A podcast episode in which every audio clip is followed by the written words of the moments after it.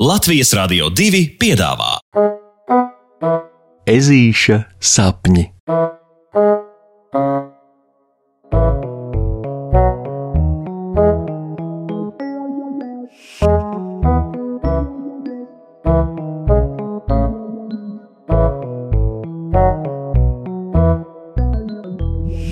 Ezītis glābi dabu.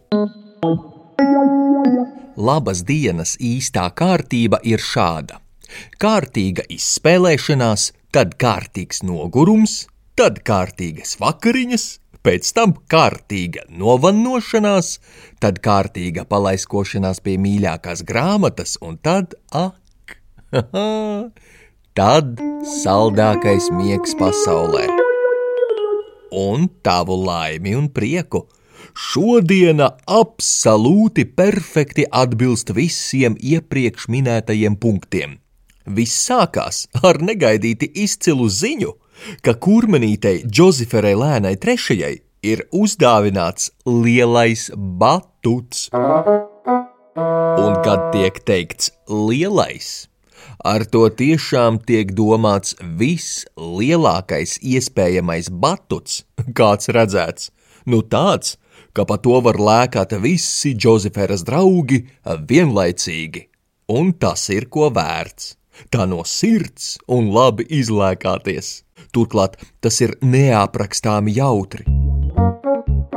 Iedomājieties, septiņi draugi vienlaicīgi lēkā un gāžas, un veļas, un kūleņo, un pamanās pat uzmest kādu salto, un muļķīgi skrien un smējas, smējas, smējas, līdz asarām un sāpošiem vaigiem. Un tā, it kā ar visu jau nebūtu gana, Džozeferas lēnas trešās mamma vienā jaukā brīdī vēl salaiž batutā balonus, noliekot dārza vidū uz galdiņa bļodu ar konfektēm un limonādi. Oi! Sēdušies konfektes un sadzērušies limonādi, draugi sāka laist vaļā balonu spridzināšanas spēli. Tas vispār ir neganti fantastiski, lai neteiktu vairāk. Sprākstošo balonu lupatiņas šaujas uz visām pusēm, kur nu kurā. No puksīša adatām kādam sejā, cita virsū paulam, vēl kādas ņiprākas pāri batuta aizsargtīklam un taisnā lidojumā te kokā, te krūmos. Nespēdami apstāties sajūsmā, draugi tālāk uzsāk lēkājošo konfekšu kaujas, jo to bļodiņā ir tik daudz, ka tāpat tās visas apēst neizdotos.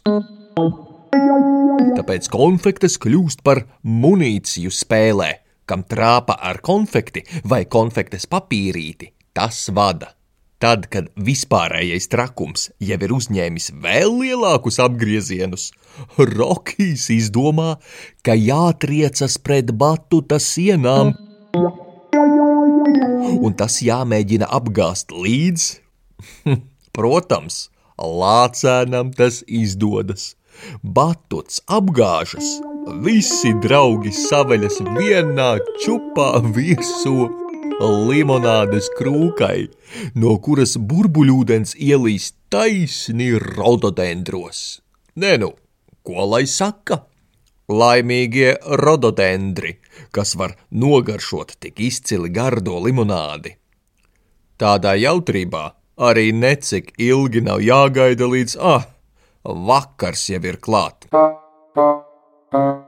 un draugi izklīduši pa mājām, nogurumā vecākiem atstāsta dienas laikā piedzīvoto, pieliek puņķus ar kādu kārtīgāku ēdienu, nomazgā konfekšu lipekļus un radziņus un iesnaužas saldā miegā jau pie pirmās grāmatas lapuses. Nu, nogurums dara savu. Bet sapņu valstībā Vismaz puksītim šonakt neviens neļauj no noguruma atpūsties, jo tā vietā, lai rāmi lidinātos pa sapņu pasaules mākoņiem, ežulis nonāk aci pret aci ar kādu ārkārtīgi neizskaidrojami skaistu būtni, kura ļoti nelietīgi metas ežukam virsū un grib šo nopērt. Kā es tev rādīšu, mazais negantniek, ka tu man trūksies. Dāma šķendējas un cenšas puksīti saķert savās rokās, no kurām viņš veiksmīgi spudūkšs padākšs, pamanās izvairīties. O, atvainojiet, kundzīt, bet kas jums kait? Puksītis no sirds aizelsies prasa dāmai, kura visādā ziņā smaržo bezgalīgi skaisti un ar visu savu būtību pat sapnī izstaro tādu kā bezgalīgu svaigumu. Kas man kait? Dāma aizsvilstas vēl vairāk un sāk pikti šņākt. Kas man kait? Limonāde rododendros man kait, un konfekšu papīri pa vējam, un balonu ļerpatiņas dzīvžogā un puķu dobēs, un rožu zaros, tas man kait, un kurš mani tagad no tās visas šmuces glābs ko? Tā vārds pa vārdam izrādās, ka ežulis sapnī saticis pašu dāmu dabu. Jā, jā, dabu, kas mazliet nomierinājusies, galu galā ežulim paskaidro, ka prieki un daudzīšanās ir ļoti labi, bet nu nevar aizdauzīties savā trakumā tā, ka piedrazo apkārtni un aiz sevis atstāja netīrumu kalnus, kas dabā nemaz neiederas. Vai manu dieniņu, ne puksītis, ne draugi tiešām par to nemaz nepadomāja. Viss. Dāmas dabas ierosināts no šī brīža ežulis apņemas aiz sevis vairs nedrazot, un ja kaut kas gadās, tad vienmēr savākt. Bet kas attiecas uz iepriekšējās dienas supertrakuma nedarbiem, tos viņš dāmai dabai apsolās nākamajā rītā savākt.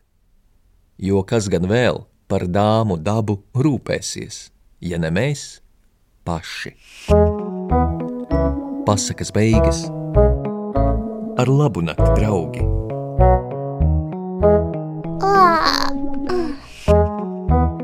Saldus tev sapnīšus! Tiksimies pirmdien!